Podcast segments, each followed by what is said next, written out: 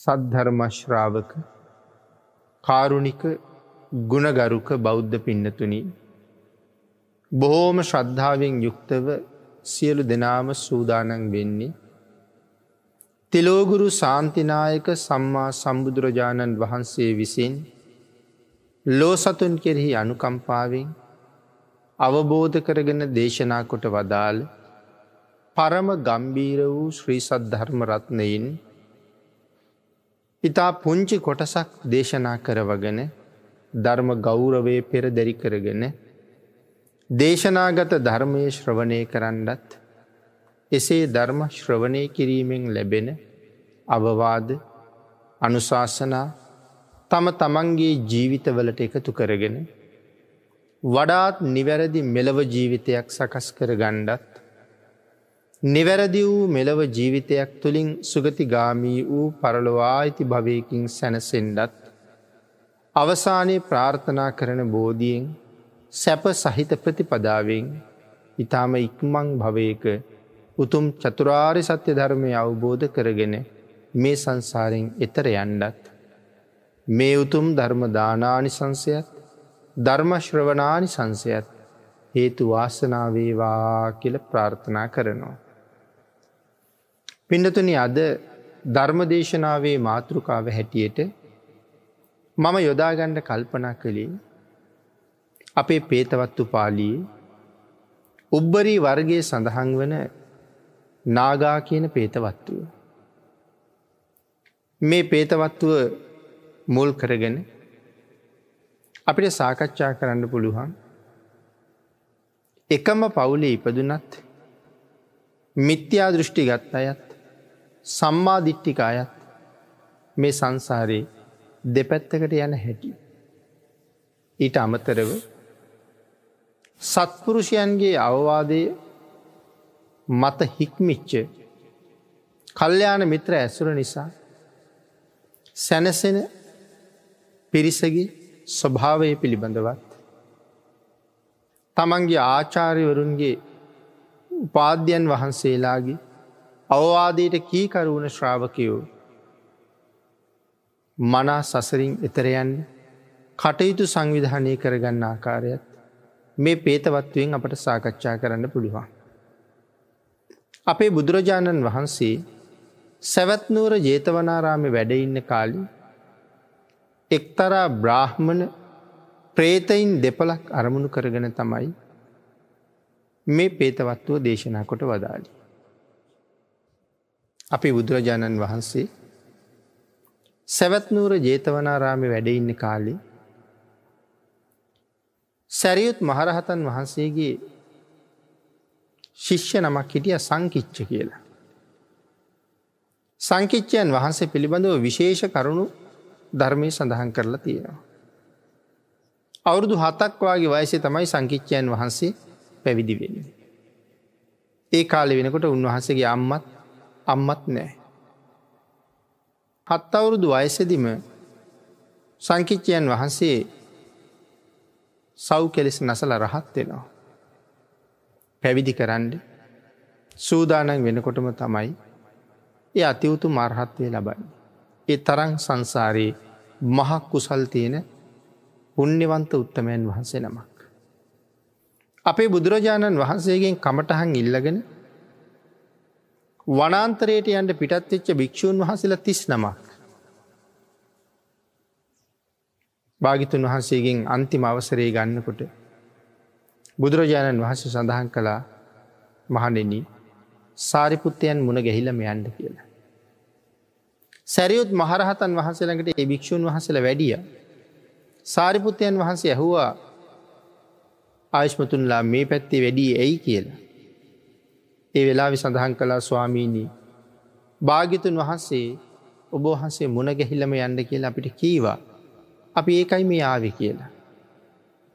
සැරියුත් මහරහතන් වහසේ කල්පනා කළා භාගිතුන් වහසේ නිකං නිස්කාරණි මල් ළඟට කෙනෙක් එවන්නේ නෑ. මේකට මොකක් හරි හේතුවක් ඇති. සාරිපුත්තයන් වහන්සේ අර භික්‍ෂූන් වහසලගෙන් ඇහුවා ආයුෂ්මතුන්ලා ඔබලත් එක සාමනීර නමක් ඉන්නවාද කියලා. නෑ කීවා. සංකිච්චයන් වහන්සේට එන්ඩ කියලා. සංකිච්චයන් වහන්සේට කියන මේ භික්‍ෂූන් වහසලත් එක වඩින්ඩ කියලා. අර භික්‍ෂූන් වහන්සේලා සාමනේරයන් වහන්සේ තමන් එක වඩින් නිසා වඩින එකට අකමැති වුණා. එ සාමනේරයන් වහසනමක් එක්කරගෙන යන්ට තියෙන අකමැත්ත නෙමේ සංකිච්චයන් වහසට වයසවුරුදු හතයි. ඇති මේවාගේ පොඩි දරුවෙක් කැලේ එක ගිහිල්ලා. මේ දරුවගේ ඇප ඇප උපස්ථාන කරන්න ගිහම අපිට අපේ කාරය කරගණ්ඩ අපහසුයි කියලා. නමුත් උන්වහසලා දන්නේ නෑ සංකිච්චයන් වහසේ කවුද කියලා. නමුත් ඉතින් සාරිපුත්තයන් වහන් සඳහන් කරනවා. භාගිතුන් වහසේ ඔබහන්සල මංගාවට එව්වේ මුන්වහසේ වැඩමාගෙන යන්න ඕන නිසා. භාගිතුන් වහසේ එහෙම ක්‍රියාවක් යම් වෙලාවක කලානං ඒක විශේෂ හේතුවක් නිසා තමයි කරලා තියෙන. ඒක හින්ද මේ සාමනයරයන් වහසේ කෑන්ඩ කියලා. ඉති සංකිච්චයන් වහසේ එක්කරගෙනම කැලීට වැඩිය. මේ භික්‍ෂූන් වහසලට කැලෑවෙදි ලොකු උපද්‍රවයක් තිබුණා ජීවිත තර්ජනයක්. හොරු පිරිසක් එනවා උන්වහන්සේලා බිලිගන්ට. ඉති ඒ වෙලාවේ එ එක නමක් ගෙනියන්ට තමයි එන්නේ. නමුත් ඉතින් පස්සෙ කාලි සියලු දෙනාටම අන්ඩ වීද දන්නෙත් නෑ. නමුත් මේ වෙලාවේ මේ භික්‍ෂූන් වහසල අතර කතාවක් ඇතියෙනවා ඉතින් අකමැත්තෙක් නමුත් ඔබහන්සල වැඩඉන්න වෙතනඉන්න වැඩිමලා මම මට තමයි නායකත්වය තියෙන්නේ ඔබලගේ ජීවිත රැකල තියල මම යායුත්තේ කියලා. තවත් තවත් භික්ෂූන් වහසල කියනව නෑස්වාමිනි ඔබහස වැඩයින් අපි යන්නම් කියලා. අන්තිමට සාමනේරයන් වහන්සේ ඇවිල කියනව නෑ ස්වාමීණී. ඔබහසල කවුරුවත් වඩින් ඩෝනෙ නෑ. මම වඩින්නම්. මගේ ජීවිතයට කරගත යුතු යම් අර්ථයක් තියෙනව නං මම ඒක කරලා ඉවරයි. නවත් ඔබහන්සේලා තාමයකට මුලපුරනවා. ඔබහන්සේලා වැඩි කරගන්න. මම මේ ඇත් එක යන්නම් කියලා. සියලුම සංඝයාගේ අකමැත්තෙන් නමුත් උන්වහසලගේ ආරක්ෂාව වෙනුවෙන් සංකිච්චයන් වහස පිටත්වෙනවා. යටත් පිරිසෙන් මේ හාමුදුරුවරුන්ගේ නායක හාමුදුරුව නායක හොරාට කතා කරලා කියනවා අනේ මේ පුංචි දරුවෙක් අපි වෙනුවෙන් ඉදිරි පත්වෙලායි. ඕගොල්ලු මේ දරුව ගෙනහිල්ල බිලි පූජාවක් සඳහා ගෙලසිඳින බව අපි හොඳටම දන්නවා. සඳහන් කරනවා කඩුපත් එහෙම ඒ පුංචි හාමුදුරුවන්ට පේන්ඩ මුවහත් කරන්න එපා කියලා. සියලුම හාමුදුරුව අන්ටනවා. නමුත් සංකිච්චයන් වහසේ නවත් හන්ඩ බෑ. හොරු උන්වහසේ එක්කරගෙන ගිහිල්ල. උන්වහසේව ඝාතනය කරන්න සුදුසු තැන උන්වහසේ තියල. හොර කණ්ඩායමී චෝර ඝාතකය. සංකිච්චයන් වහන්සේට කඩුවෙන් පහර දෙෙන්ට කඩු ඕසෝලා එක පාර උන්හසට කඩුවෙන් පහර දුන්න. ඒ වෙලාවේ කඩුව ඇකුළුණ. උන්වහසට පහර වැදුනේ නෑ. නැවත කඩුව දිග ඇරිය. කඩුව මුහත් කරලා නැවත පහර කළා පහර දුන්නා. ඒ කඩුව කඩුවේ මිටගාවට එනකම්ම ඇකිලිලා ඇඹරිලා ගිය. මේ ගහතකයට දරාගණ්ඩ බැරි තරම් බයක් දෙනින්ට පටන් ගත්තා. උන්වහන්සළඟ වැටිලා දනගහලා එකට හේතු වැැහවා. සංකිච්ච සාමනේරයන් වහන්සේ ගාව මහ විශාල මෛත්‍රී ගුණයක් තිබුණ. ඒ මෛත්‍රී ගුණේ නිසා තමයි උන්වහසේට ආයුධයකින් හානියක් කරන්න කාටවත් බෙරි. මේ සියලු දෙනාටම කරුණුකාරණා පැහැදිලි කලා ධර්ම දේශනා කළා. හොරු පන්සිය දෙනාම සංකිච්චයන් වහන්සේ අනුව ගිහිල්ල පැවිතිවුණ. අන්තිමට අපේ භාගිතුන් වහන්සේගෙන් බලාහල මේ පන්සිය දෙනාව රහත් වුණා. සංකිච්චයන් වහන්සේ හොරුත් අඩගහගෙන භාගිතුන් වහස ගාවට යන්ඩ කලින් අර භික්‍ෂූන් වහසල ළඟට ගිහිල්ල මුණ ගැහුණා. මුණ ගිහිල සඳහන් කලා ස්වාමීණී ඔබ වහසල මං ගැන කල්පනා කර කර දුක්වුණ බවමන් දන්නවා. දැන් දුක්වෙන් දෙපා මේ ඉන්නේ ආපු හොරු ටික. මේටික මම දැන් බුදුරජාණන් වහස ගාවට ගිල්ල මහන කරනවා. ඔබ වහන්සේලා කැලේට ආපු කාරී කරන්න. භාගිතුන් වහන්සේ සාරිපුත්තයන් වහන්සේලකට ඔබහන්සේලා එව්වේ ඔබහන්සේලගේ ජීවිත ආරක්ෂාව වෙන්නේ. මේ ගමන මම එන බව භාගිතුන් වහසේ බහන්සලට කලින් දන්නවා. මගේ කාරී භාග්‍යතුන් වහසේ වගේ බලාපොරොත්තු වන කාර්ය මන් සම්පූර්ණ කලා ස්වාමීණී ඔබහන්සල සුවසේ භාවනා කරන්න කියලා. අර පිරිසත් අනගහගෙන ගිහිල්ල. ඔවුන් පැවිදි කරලා ධර්ම දේශනා කරවලා සසරින් එතර ගීපු මහරහතන් වහන්සල බවට පත් කළා. හත් අවුරුදු වයස හිටපු පුංචි හාමුදුරුව විසිවය සම්පූර්ණ කරලා උපසම්පදා වෙලා අර පන්සීයක් රහතන් වහන්සේලත් එකතු කරගෙන බරණැස ඉසිපතනාරාමය වස් සමාදන් වුණා. දැන් වස්කාලය උන්වහසලෙහි වැඩඉන්නවා. දායක පිරිස් නිරන්තරයෙන් සංඝයට දන් දෙනවා මේ කාලී එක තරුණ උපාසක මහත්තේ කැම දාමෙනව බණහන්ඩ.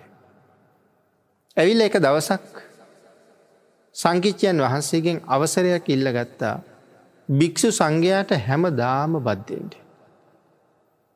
ඒ අවසරත් ඉල්ලගෙන ඒ පින්කමත් කර කර ඉන්නකොට බ්‍රාහ්මණ පවුලක වැඩිමහල් පුතෙක් හිටිය. ඒ වැඩිමහල් පුතා මේ බණහන උපාසක මහත්තයගේ බොහෝම හිතවත් දෙන්නමත් තරුණයි. හරි හිතවත් තවසක් තමන්ගේ හිතවතත් අඩගහගෙනාව බණහන්ට. ඉතිගේ බ්‍රාහ්මණ කුමාරය බණහලා පැහැදුනා. සතුටු වුණා. අරුපාසක මහත්තය කියනවා යාළුවී. ඔබත් පුළුහන්ඩන් අනාගත සැප ප්‍රාර්ථනා කරගෙන භික්‍ෂූන් වහසේ නමකට දානයක් දෙන්න කියලා. ඔහු සඳහන් කළා ශ්‍රමණ බවත් ගෞතමයන්ගේ ශ්‍රාවකයන්ට දන්දෙන්ට අපට තහනම් කියලා. ඒ වෙලා මේ උපාසක මහත්තය හනවා. භික්‍ෂූන්ට දන් දෙෙන්ට බැරිනම් මට කෑමවේලක් දෙන්න බැරිද කියලා. අපෝ ඒක හැම දාම කර හැකි කීවා. ඒ වෙලාවෙ නැවත ඔහු කියනවා ඒ මට දෙන කෑමවේල හැමදාම එක භික්‍ෂුවකට දෙන්න කියලා. කෙසේ හෝ මිත්‍යා දෘෂ්ටිකය දන් දෙන්නෙක් බවට පත් කළා. දැන් ඔහු දන් දෙනවා. තැන් ඔහු හරි ශ්‍රද්ධාවන්තයි. ඔහුගේ පාරි ගිහිල්ල ඔහුගේ මල්ලිත් ඒ පාරිම ගිහිල්ල ඔහුගේ නංගිත් ඉතාම ශ්‍රද්ධාවෙන් දම්පැම් පූජා කළා සිල්ගුණ ආරක්ෂා කරගත්තා. හැබැයි ඒ දරුවන්ගේ අම්මයි තාත්තයි කවදාවත්ම දහම පැත්තට යමුණේ නෑ. එගොල හැම දාම විත්‍යා දෘෂ්ටිකයි. එතකොට මේ බ්‍රාහ්මණ පවුලේ ඒ දරුවන්ගේ නැන්දනියගේ පුතෙක් හිටිය සංකිච්ච සාමනේරයන් වහන්සේගෙන් බනහල උන්වහන්සේ ළඟම පැවිදි වෙලා මහනදම් පුරාගෙන යන කෙනෙක්. මේ බ්‍රාහ්මණ පවුලටම සම්බන්ධ කෙනෙක්. එතකොට මේ බ්‍රාහ්මණ පවුලේ අයගේ යෝජනාවක් ආවා දැන් අර මූලික පවුල ඉන්නවනේ අයියයි පොඩි අයියයි නංගී කෙල තුන් දෙනෙක්. තරුණ උපාසක මහත්තයාට අනුව දම්පින්කං කරන්න යොමුච්ච පිරිස. සහෝදරයෝ දෙන්නයි සහෝදරියයි. ඉති එතකොට මේ සහෝදරයෝ දෙන්නගේ සහෝදරිය මාමගේ පැවිදි වෙලා ඉන්න පුතාට විවාහ කරන්න මේගොලු යෝජනා කළා. මහන වෙලා ඉන්න හාමුදුරුවන්ට විවාහ කරලා දෙන්න කල්පනාව දැන් තමන්ගේ දුව ඒ මව්පියන්ගේ යෝජනාව හෙමයි. ඒක හාමුදුරුවන්ගේ අම්මටත් කීවා. අම්මත් කැමති. අම්ම එක හාමුදුරුවන්ට කීවා. හාමුදුරුවත් කැමති. තැන් ඊට පස්සේ හාමුදුරුව එක දවසක් ගිහිල්ලා සංකිච්චයන් වහන්සේගෙන් අහනවා ස්වාමීණී මටනං දැම් මහනකම කරන්න බෑවාගේ. මේක හරි අමාරුයි. මට තියෙන ලොකු කල කිරීම ස්වාමීනී මට ගෙදරයන්ට බෑද කියල හවා. කාරණාවකී වෙනෑ මට ගෙදරයන්ට බෑද කියල හවා. සංකිච්චයන් වහස කියනවා සාමනීරු. ගෙදර එන්ඩ නම් මොකද බැයි. ඉතින් ඔබට යන්ඩම ඕන්නන් යන්ඩ. හැබැයි තව මාසයක් ඉඳල යන්න කියලා. යන්ඩ මෝන්නන් යන්ඩ මාසයක් ඉඳලයන්ට. ද උන්වහසට සතුටු ඉතාව මාසකින් යන්න පුළුවන්. මාසෙ ගියවුණා. ඒ වෙලාවේ ගේල කියනවා ස්වාමිනි දැන්න මාස ඉවරයි. මම යන්ඩද සඳහන් කළ සාමනේද. තව දවස් පහළුවක් ඉවසලා යන්ඩකු. දවස් පහළවත් හිටිය. දස් පහළව ඉවර වෙලා ගිහිල් අහනවා ස්වාමීනී දැන් කොහොමද. හොඳයි සාමනේද. ගියටන කමක් නෑ මම කියන නිසා තව දවස් හතක් ඉන්ඩකු කියල කීවා. ඒ දවස් හතත් හිටිය. මෙන්න මේ දවස් හත ඇතුළේ සාමනේරයන්ට විවාහ කරලා දෙන්න බලාපොරොත්තුවෙන්න තරුණිය ඉන්න ගෙදර බිත්ති ටික පෙරලිලා තරුණියගේ අම්මයි තාත්තයි සහෝදරයෝ දෙන්නයි ඇයයි මේ පස් දෙනාම එතනම මැරුණා. ගෙට යට වෙලා මැරුණා. දවස් හතක් විතර ගිහිල්ලා ආසන්නයි. සාමනේරයන් වහන්සේ දැ සිවරු ඇරල යන දවසත් හරි හත්තිනි දවස. ගිහිල් අවසර ඉල්ලුවට පස්සේ සංකිච්චයන් වහස කෙනවා යම් මගෙත් එක්කම යම්. ඉසිපතනා රාමය පිටිපස්ස දොරින් පිට වෙලා ටිකක් දුර ගමන් කළ. ටිකක් දුර ගමන් කරහම සුදු පාට ඇත්්‍යානයක නැගල හරි ලස්සන දෙවියෙක් යනවා. රාතන් වහසට පේනවා. අනික් අයට පේන්නේ. අස්ව වෙළඹුන් හතර දෙනෙක් යොදාපු මනාව සරසපු අස්වරතයක නැගලා තවත් දෙවියෙක් යනවා. තවත් දිවියාංගනාවක් ඉතාම ලස්සන සුන්දර විමානයක රැස් විහිදි විහිදි බැබලි බැබලි ඒ විමානයෙන්ම අර දෙවියෝ පිටි පස්ස යනවා. ඉන් පස්සේ ප්‍රේතයකුයි ප්‍රේතියකුයි ඉන්නවා. ඒ ප්‍රේතයා යකට පොල්ලක් අරගෙන ප්‍රේතිට පහර දෙනවා. පහර දුන්න ගමන් එතන කලගෙඩියක් වගේ දීගෙඩියක් ඇවිල්ල ඒ වෙලාවෙම පැසවලා පුපුරලා උතුරන්ඩ පටන් ගන්නවා. ප්‍රේතය අදූවගෙන ගිහිල්ලා අර උතුරන ලේයි සැරවෙයි බීගෙන බීගෙන යනවා. ඉටස ප්‍රේතිය යකට බොලු පාරක් ප්‍රේතයට ගහනවා. ඕගේ ශරීරෙත් මහ ගෙඩියක් හැදෙනවා එක මොහොතින් පැසවලා පුපුරනවා ප්‍රේතිය දුවගෙන ගිහිල්ලා ඒ ලේ සැරව බිබී ජීවත්වෙනවා. මෙහෙම තමයි මේ දෙන්නගේ ජීවිතේ. සංකිච්චයන් වහන්සේ තමන්ගේ ඉර්ධයානු භාවයෙන් අධිෂ්ඨානයක් කළා මගේ පස්සෙන් එන සාමනේරයට මේ සියල්ලම පේන්ඩෝන කියලා. එතකොට ඉරධයානු භාවයෙන් තමයි අර දෙවිය සහ ප්‍රේතියෝ පේන්නේ. පේන්ඩ සලස්සලා සංකිච්චයන් වහන්සේ හනවා සාමනේර මොකොත් පේනවද. එහෙමයි ස්වාමී. සාමනේර ප්‍රේතියෝ දෙපලකුත් පේනවද? එහෙමයි ස්වාමී. එනගේ ප්‍රේතයන්ට කතා කරන්න. කතා කරල තොරතුරු හන්ඩේ ගොල්ලන්ගේ දැ සාමනේරයන් වහස කතා කරනවා. අර ඉස්සරලාම ඇත්්‍යාන ගිය කවුද? ස්වාමීනී ඒ අපේ ලොකු පුතා. දෙවනියට අස්සරතේ යන්නේ කවුද? ස්වාමීනී ඒ අපේ බාලපුතා මෙතන මේ රන්සිවිගයක් වගේ දිව්‍ය විමානයක් ඇතුළි ඕසදී තාරකාව වගේ රැස් විහිදවල බැබලි බැබලි ඒ ඉන්න දිව්‍යාංගනාව කවුද. ස්වාමීනී ඒ වෙන කවුරුවත් නෙමේ. අපි දෙන්නගේ දුව ස්වාමීනී අපි දෙන්න සංසාරි හුඟා පව් කළා. අපි සිල් රැක්කෙනෑ අපි දන්දුන්නේ නෑ කර්මය කර්මඵලය විශ්වාස කෙරුවෙනෑ හුඟාක් පව් කළා. එහි ප්‍රතිඵලය තමයි මේ තියෙන්නේ. පින්කරපු අයගේ ප්‍රතිඵලය තමයි අරතියෙන්. ඒ හින්ද ස්වාමීණී මේ සංසාරය කවදාවත් මේ පව් කරනවා කියන තැනට යන්න එපා. එ සාමනේරයන් වහන්සේට තමන් කවුද අර දෙවියෝ කවුද කියන කාරණාව මනාව පැහැදිලි කරලා දුන්නා. ඊට පස්සේ සාමනේරයන් වහන්සේ කල්පනා කළා මේ ප්‍රේතයන්ට කතා කරලා අහන්ඩ ඕනේ මොනවද ඒගොල්ලන්ගේ කෑම බීම කියලා.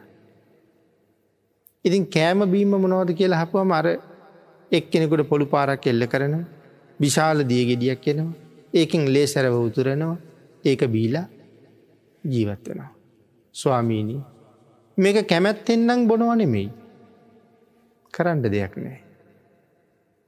මේ ආදි වශයෙන් සඳහන් කරලා ප්‍රේතය කියනවා ස්වාමීණී මනුස්ස ලෝක ඉන්න කාලේ අපිවාගේ දන්දෙන් නැතුව මසුරුකමින් ඉඳපු අය මැරිල ප්‍රේතලෝක ගිහිල්ල හුඟක් ඉන්නවය කට්ටිය.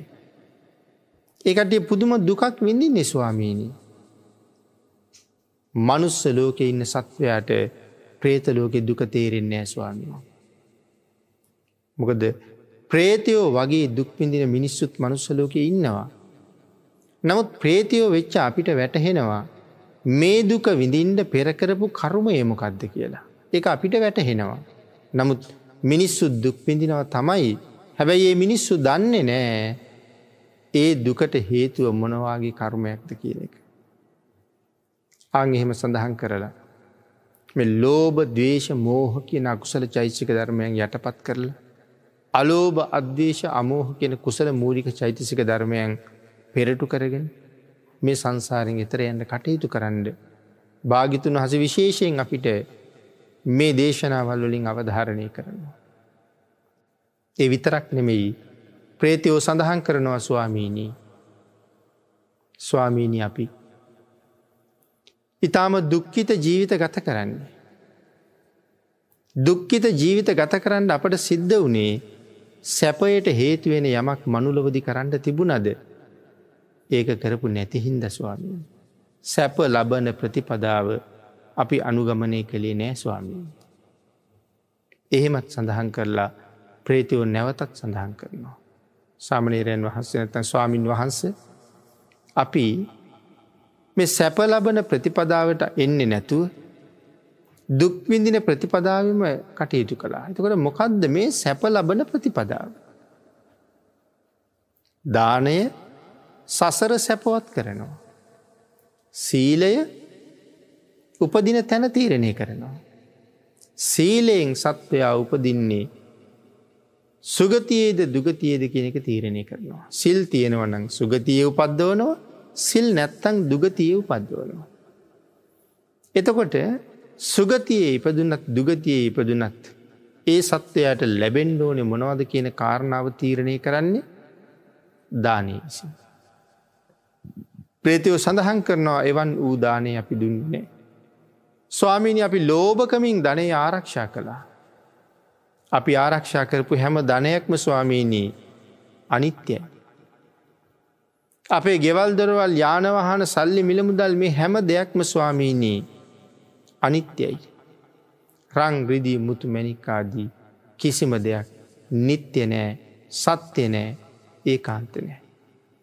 අනිත්‍ය වෙච්ච අස්තිර වෙච්ච මේ වස්තුවක් රැස් කරගෙන නොකා නොබී තියාගෙන ඉන්නවා කියල කියන්නේ. කොයි තරන් අකුසල කර්ම රාසිය රැස් කරගන්නවද. ඒ වස්තුූ තියෙනවා කන්නේ නෑ බොන්නේ නෑ. ඒවා දිරනව ඒවා වෙන වෙනසෙනවා වහ කියනවා. කවුරුවත් ඒවා වියදන් කරලා පින් කරන්න යෙදෙන්නේ නෑ මේ ලෝභ පුද්ගලයෝ මසුරු පුද්ගලයෝ ඉන්න නිසා. මේ විදිහට දන්දුන් දං නොදීමේ ආනිසංසයත් කියනවා. මා පුුණ්‍ය භායි කියන සූත්‍ර දේශනාවෙන් අපේ භාගිතුන් වහස දේශනා කොට වදාලේ මහනෙන පිනට බය නොවව් කියලා. මෙ පිනට කවදාවත් බයවෙන්ඩිපා. හැකි හැම වෙලාවකම මනාව පින්කරගණ්ඩ භාගිතුන් වහස අනු දැන වදාලා. ජීවිතය කුසලයෙන් පෝෂණය කරන්න. ජීවිතය අකුසලයෙන් ඈත්ම කරලා තියන්ට. අනිත්‍ය දුක්ක අනාත්ම කියන ත්‍රලක්ෂණයෙන් පිරිච්ච මේ ලෝකයේ යම් කෙනෙ තමන්ගේ ජීවිතෙත් ඒ ත්‍රලක්ෂණයට අනුව වියෝ වෙලා යන්න කලින් හොඳට බනාහනවද හොඳට සිල් රකිනවද හොඳට දන් දෙනවද අංගේ පුද්ගලයා තමන්ට හොඳ සාධහරණයකුත් කරගන්නවා. මේ අදි වශයෙන් කරුණු බොහොමයක් මේ පේතවත්වෝ යටත අපිට සාකච්ඡා කරගන්න පුළුවන්. එතකොට පින්නතුන මේ ප්‍රේතයෝ මේ කරුණු ඔක්කොම දක්වලා අර සාමනේරයන් වහන්සේට අන්තිමට කියනවා ස්වාමීණී ඔබවහන්ස දන්නවද. අපි දෙන්න කියල කියන්නේ ඔබවහන්සගේ නැන්දම්මයි මාමණ්ඩී. අර ඉදිරියේ රතවල යන්න අපේ ලොකුපුතයි බොඩිපුතයි දුවයි. කල්්‍යයාන මිත්‍රයෙක් මුණගැහිච්ච නිසා ඒගොල්ලු දන් දුන්න. එගොලු සිල් රැක්ක. එගොලු ගුණ පිරුවා දන්දීල සිල් රැකල ගුණපුරල මේ සංසාරෙන් එතරයන්ට මඟ හදාගත්තා. මේ ආදි වශයෙන් කරුණුකාරණා රාශියක් ප්‍රේතියෝ සඳහන් කරනවා. ප්‍රේතියෝ ඒ විදිහට තමන් සංසාරි කරගත් අකුසල කර්ම පිළිබඳවත් අදඒක විපාකය පිළිබඳවත් මැනවින් කියල දුන්න හම අර සාමනේරයන් වහන්සේ එහෙම්මම හැරුණ තමන්ගේ ගුරුවරය පැත්තට. ළඟට ගිහිල්ල දෙපතුළ අල්ලලා දනගහල වැඳල කියනවා ස්වාමීණී මේ සංසාරයේ මට අනුකම්පා කරපු තරන් වෙන කවුරු අනුකම්පා කරන්නද. ස්වාමීණී මේ සංසාරී බොහොම භයානකයි. වැටෙන්ඩ ගිය දරුණුතම ප්‍රපාතයකට නවත බොහන්සේ මව රැක්ක ස්වාමීණි. ඔබහන්සේ මාව බේරාගත්ත මාව ආරක්ෂා කලා ස්වාමීණී අනි ස්වාමීණී මට ඉදිරියටත් බ්‍රහ්මචරියාව ආරක්ෂා කරගෙන මේ භයානක සංසාරෙන් එතර යන්න පාර කියල දෙන්න කියලා. සංකිච්චයන් වහන්සේ අර භික්‍ෂූන් වහන්සේට කමටහනක් ලබල දුන්නා. එ කමට හන ඔස්සේ හිත දියුණු කරලා ගුණ වඩල උන්වහන්සේ අති උතුම් රහතන් වහන්සේ නමක් බවට පත් වනා. විවාහ වෙන්න කැමැත්තෙන් හිට භික්‍ෂූන් වහන්සේ. මෙන්න මේ කාරණාව අපේ බුදුරජාණන් වහන්සේ ළඟටම ගියා. ඒ අර්ථෝත් පත්ති කරගෙන අපේ බුදුරජාණන් වහන්සේ අපූරු ධර්ම දේශනාවක් භික්‍ෂූන් වහන්සේල වෙනුවෙන් සිදු කරන්න යෙදුණා. එතකොට මේ පේතවත්වේ අපිට කරුණු කීපයක් සඳහන් කළා. එකම පවුල ඉපදිච්ච පස් දෙනෙක් මේ සංසාරයේ සැප සහද්දුක විඳින හැකි. දෙවියෙක් ඇත්්‍යයානයක යනවා පොඩිපුතත් දෙවියෙක් අස්ව වෙළඹුන් හතර දෙනෙක් බැඳපු යානයක යනවා. දියනියත් ලොකුපුතා පොඩිපුතා අනුව ගිහිල්ලා තුනුරුවන් සරණ පිහිටවල. ඇයත් දිව්‍යාංගනාවක් බවට පත් වුණා. නමුත් ඒ අයිගේ අම්මයි තාත්තයි හැමදාම මිත්‍යාල් දෘෂ්ටිකයි සදාකාලිකවම මිසදිටු බවින් ගලවගණ්ඩ බැරිවෙයි කියල හිතෙනවා. අං ඒ මිසදිටු මව්පියෝ කවදාවත් ගුණයක් දහමක් සීලයක් සම්පූර්ණ කරන්නේ නැතුව මරණයට පත්වෙලා නිරය ගාමී වෙලා උපත්තිය ලැබන.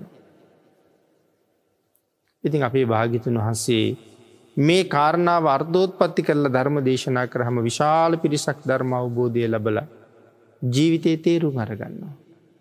පින්නතුනී මේ කතාවෙන් අපට පැහැදිලි ගුරුවරයට කීකරවීම කල්්‍යයාන මිත්‍රයන්ගේ අවවාදය සහ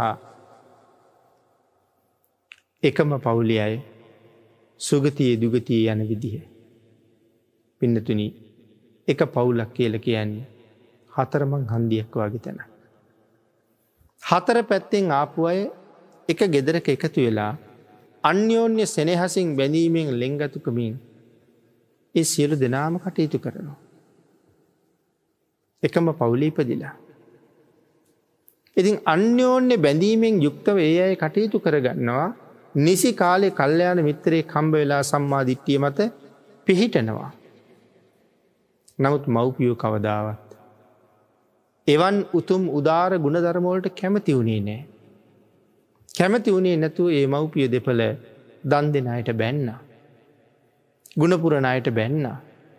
වැඩක් නෑ ඔය වැඩ කියල කීවා. ඉතින් එහෙම කිය කිය ඉඳලා අන්තිමට මොකක්ද වෙලා තියෙන.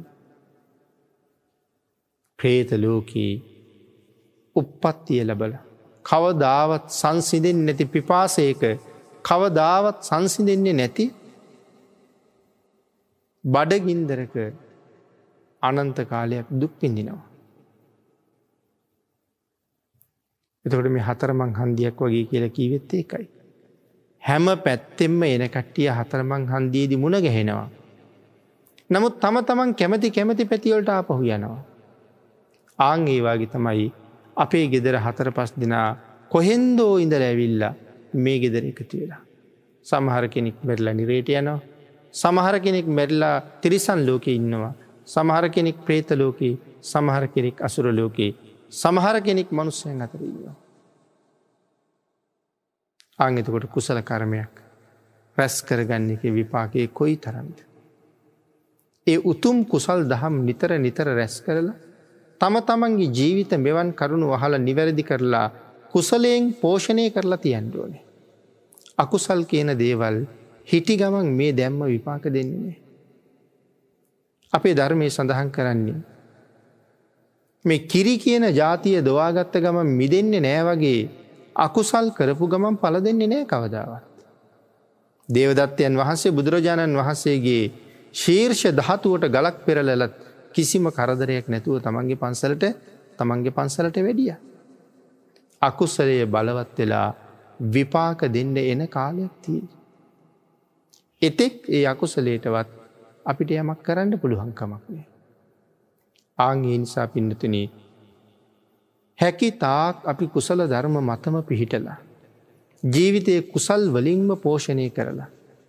ඕනෙම මොහොතක මේ සංසාරයෙන් එතරයන්ට පුළුවන් කෙනෙක් බවට පත්තෙන්ඩ මේ ජීවිතය තුළ අපිට කටයුතු හදන්න පුළුවන්. භාගිතන් වහස දේශනා කළේ. මේ සසර ඉතාම භයානකයි. අපි අද ජීවත්වෙන්න තරාතිරම මොකක් වනත් මේ සංසාරයට ඒකින් වැඩක් නෑ. තරාතිරම කෝක වුනත් මේ සසරට ඒකින් වැඩක් නෑ. ආං ඒක නිසා මේ සංසාරයට ගැලපෙන විදිහට අපි අපේ ජීවන රටාව හදාගන්න සිද්ධ වෙනවා. එහෙම ජීවන රටාව හදාගත් හම මේ සංසාර සත්වයා අපට බොහොම සමීප වෙන්න පටන් ගන්නවා.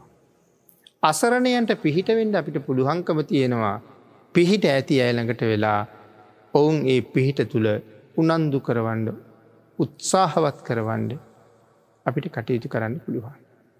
ආං එහෙම කටයුතු කරහම. බොහෝසේ කුසල් දහම් රැස් කරගන්න අය මේ සතර අපායෙන් මිදෙන්ඩ හැම වෙලායම කටයුතු කරගන්න. යම් කෙනෙක් සතර අපායෙන් මිදෙනවද. සුගතිය පැත්තට හැරෙනවද. එක මොන්න තරන්නම් සැපයක්ද කියන කාරණාව තාම හරියට තේරෙන්නේ ඇපිලතුන.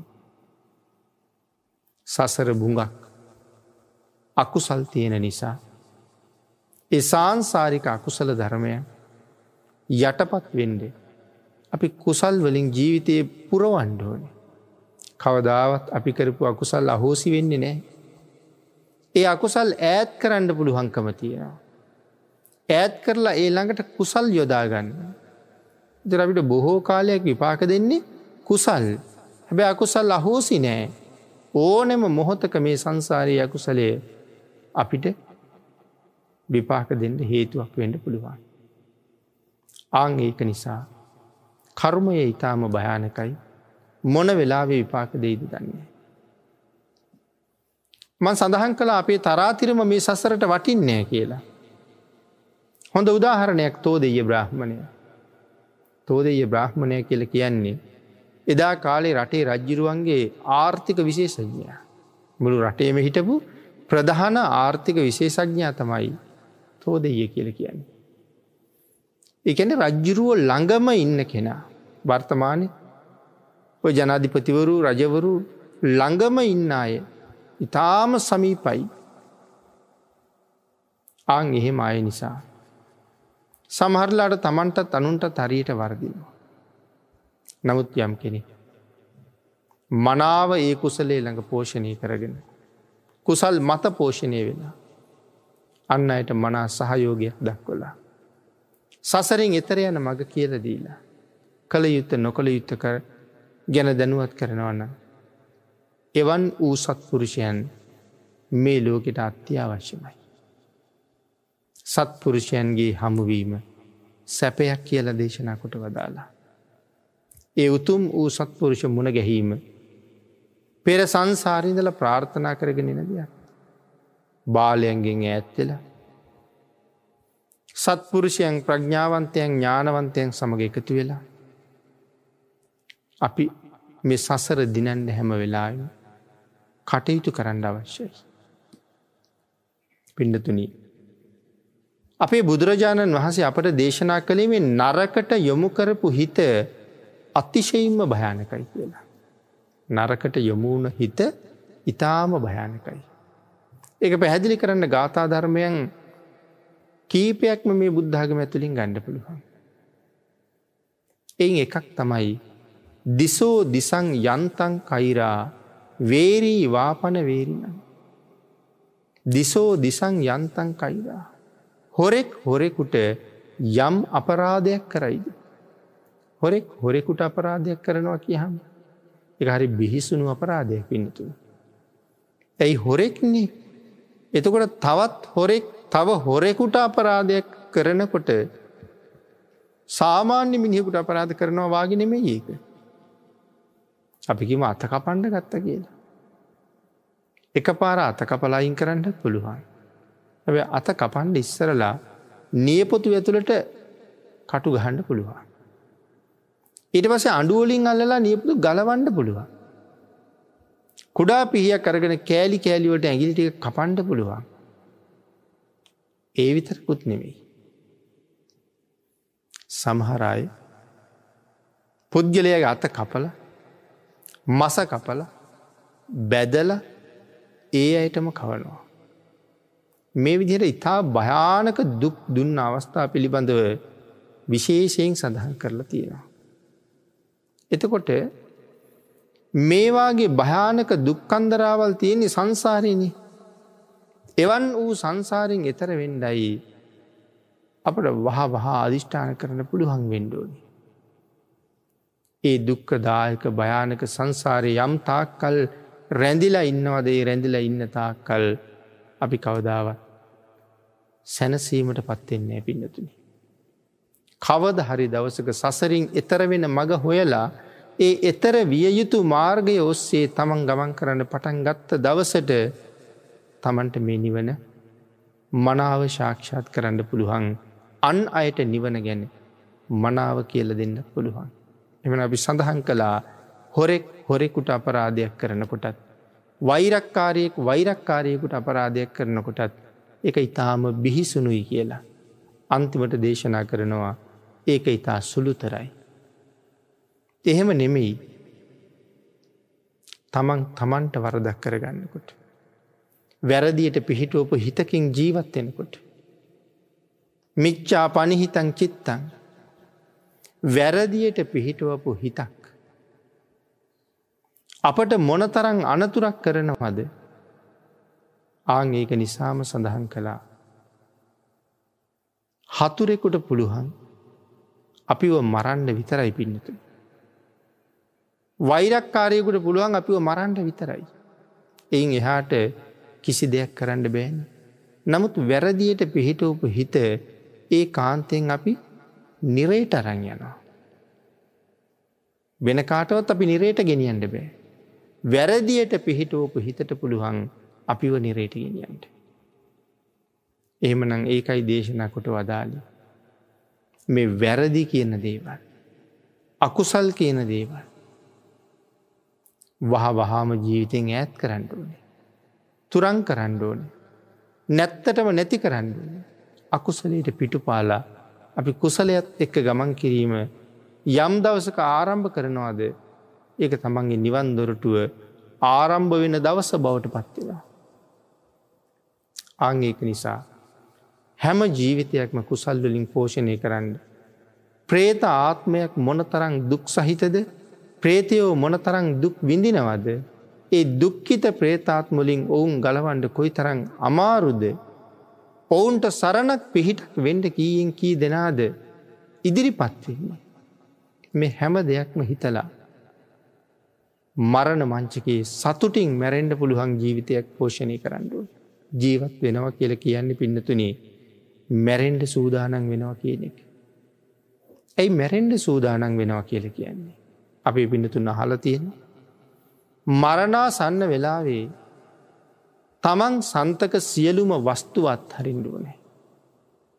කිසිම වස්තුවක් තමන් සන්තකව නැතිවෙන්න ඕනේ. ඇයි එහෙම සඳහන් කළේ ඒ වස්තුව පිළිබඳව ලෝභකම සසර දීර්ඝ කාලය අපි අතරමං කරන්න පුළුවන් නිසා. ඊළඟට සඳහන් කරන්න කල්පනා කළා. වසර ගානක් මේ සංසාරය අපිව අතරමං කරන්ඩ මෙ වස්තු ලෝභය හේතු වෙනවා වගේම. අති දීර්ඝ කාලයක්. සංසාරය විවිධ දුක්කරදර කම්කටලු ඔස්සේ ජීවිතයේ පවත්තකන යන අය. ඇයි දුකසේ පවත්වන්නේ පින් රැස් කරල නැතිහින්ද. කෝමද භාගිතුන් වහස දේශනා කළේ මහනින පින නම් සැපේට නමක්. මතු සංසාරය පින් බලාපොරොත්තු වෙන කෙනෙක් ඉන්නවන. නැතන් මතු සංසාරය සැප බලාපොරොත්තු වෙන කෙනෙක් ඉන්නවන. ඒ කාන්තයෙන් ඔහු කළ යුත්තේ මොකක්ද සිල්වත්වෙන. ඒ කාන්තයෙන් සිල්වත්වෙන එක. ආගේ සිල්වත් උත්තමයන්ට තමයි මේ සංසාරයේ වෙනස් කරන්න පුළුවන් වෙන්නේ. ස්වභාව ධර්මයට බලපෑමක් කරන්න පුළුවන් වෙන්නේ. ස්වභාව ධර්මය පවා වෙනස් කරන්න පුළුවන් වෙන්නේ. ඒ උතුම් සිල්ගුණ තියෙන අයගේ. සීලමය බලය ශක්තිය සත්‍ය ක්‍රියා කරන. අංගේ නිසා. අපි හැම වෙලාවෙම අභිමානවත් සීලයක් තමන්ගේ ජීවිතයට එකතු කරගෙන තියෙන් ඕනේ. ඕනෑම මොහොතක මේ සිල් ගුණ ආරක්ෂා කරගෙන මරණයට පත්වෙනකොට සතුටින්ම මැරුණුත් සුගතියක උපදිනවා. දුකසේ මරණයට පත්වෙන්ට සිද්ධ වුණොත් එක්කෝ නිරේක ඉප දෙන්න පුළුවන් නැත්තං යක්ෂයෙක් වෙලා ඉප දෙන්න පුළුවන්.